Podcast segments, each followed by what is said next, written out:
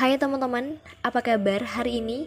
Semoga di mana pun teman-teman berada hari ini Senantiasa diberi kesehatan, senantiasa diberi kecukupan Serta senantiasa diberi kemudahan dalam menjalani segala urusannya Nah, di episode kedua podcast kali ini Bareng aku Wai Indah Kita akan sharing bareng nih teman-teman Tentang self-improvement Nah, tentu kalau kita membahas tentang self improvement ini cukup luas banget ya, teman-teman.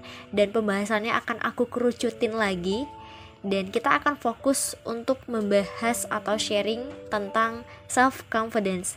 Nah, di sini teman-teman nantinya kita akan kupas bareng juga apa aja sih tips dan trik untuk bisa menjadi pribadi yang lebih percaya diri.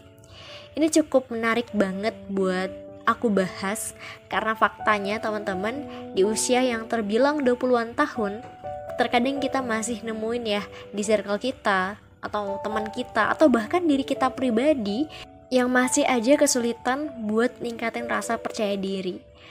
Dan bagi sebagian orang ternyata menganggap bahwa untuk menjadi orang yang pede itu sulit Padahal sebenarnya itu cukup mudah teman-teman Dan ini yang akan jadi bahasan menarik kita nih Nah, teman-teman, pada kenyataannya ya, banyak nih orang yang gagal karena nggak percaya diri. Banyak orang yang akhirnya milih berhenti karena nggak percaya diri. Dan lebih parahnya, gak mau mencoba atau memulai terlebih dahulu karena nggak percaya diri.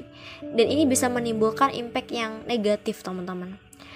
Aku jadi teringat juga dengan salah satu coach dari Marcus Garvey. Beliau merupakan seorang aktivis dan founder dari Universal Negro Improvement Association yang mana di coachnya itu beliau bilang gini teman-teman.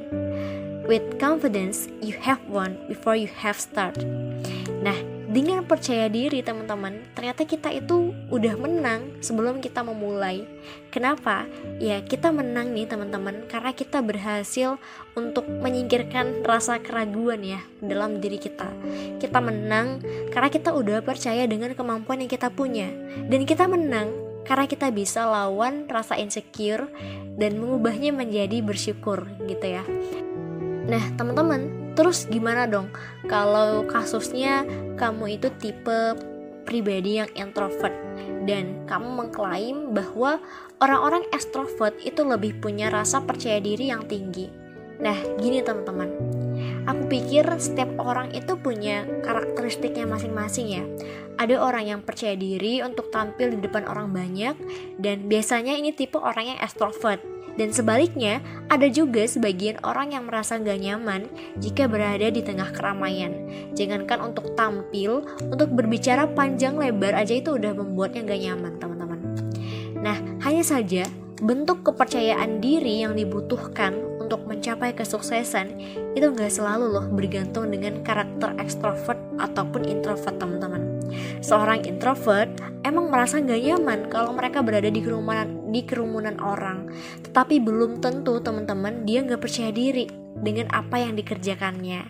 Nah, ini poin yang good banget. Dan teman-teman, bentuk kepercayaan diri yang kita butuhkan adalah percaya diri akan apa yang bisa kita lakukan dan apa yang bisa kita kerjakan. Maka tips dan jurus dasar untuk membangun rasa percaya diri di sini aku akan bagi itu dalam 5 poin dan kita akan kupas bareng teman-teman. Poin yang pertama itu adalah syukuri apa yang kita punya teman-teman. Dari mulai potensi kita kemampuan kita karya kita fisik kita dan lain-lain. Jangan jadikan mohon maaf ya uh, fisik yang gak sempurna itu menutup kita jadi orang yang gak percaya diri. Karena buktinya teman-teman ada banyak loh beauty vlogger yang mereka itu sukses walau fisiknya gak sempurna. Ada banyak pelukis terkenal yang uh, fisik yang juga nggak sempurna tapi mereka bisa melahirkan karya-karya yang hebat. Atau bahkan seorang atlet yang fisiknya juga nggak sempurna tapi bisa menjadi seorang atlet internasional. Nah semua itu dibuktikan dengan adanya rasa percaya diri yang besar di dalam diri mereka teman-teman. Jadi sepakat ya bahwa keterbatasan bukanlah uh, alasan bagi kita untuk gak mau membuat perubahan bukanlah alasan untuk membuat kita gak mau memulai kita bisa learning by doing belajar sambil melakukan selanjutnya poin yang kedua jangan ngebandingin diri kita sama orang lain. Nah, ini sih penyebab uh, kita sering insecure ya, suka minder. Karena setiap orang, teman-teman, itu punya prosesnya masing-masing. Jadi fokus aja sama proses yang lagi kita jalani dengan versi terbaik menurut kita.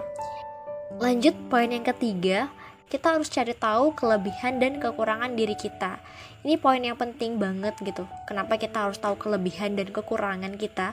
Karena ketika kita tahu kelebihan kita, kita jadi lebih fokus nih teman-teman buat lebih fokus dan lebih memperdalam apa yang kita punya gitu. Apa yang membuat diri kita itu punya nilai plus dibandingkan dengan orang lain. Dan ketika kita tahu kekurangan kita, kita bisa evaluasi. Kita bisa uh, belajar dari setiap hal yang kita lakukan gitu. Contoh, ketika kita orang yang pelupa, maka apa solusi yang harus kita cari gitu ya. Nah, kalau kalau pelupa mungkin kita bisa mengatasinya dengan cara kita membuat uh, to-do list gitu di setiap harinya.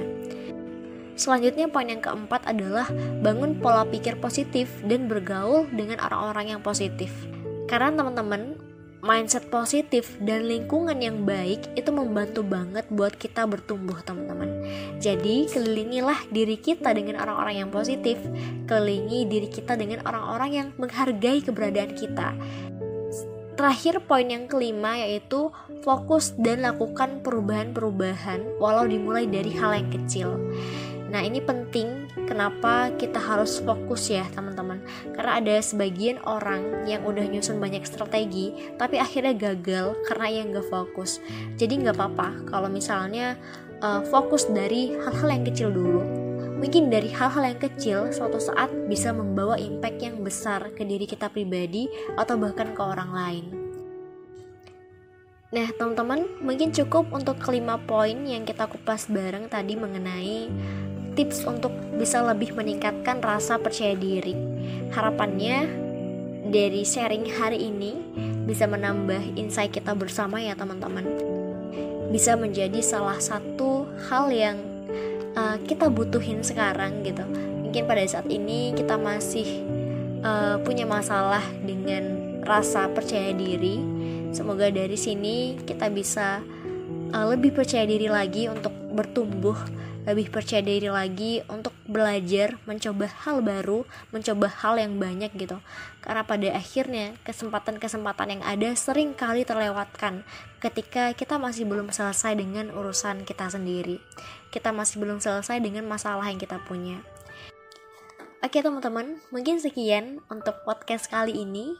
Sampai jumpa di episode podcast selanjutnya dan semoga makin bermanfaat.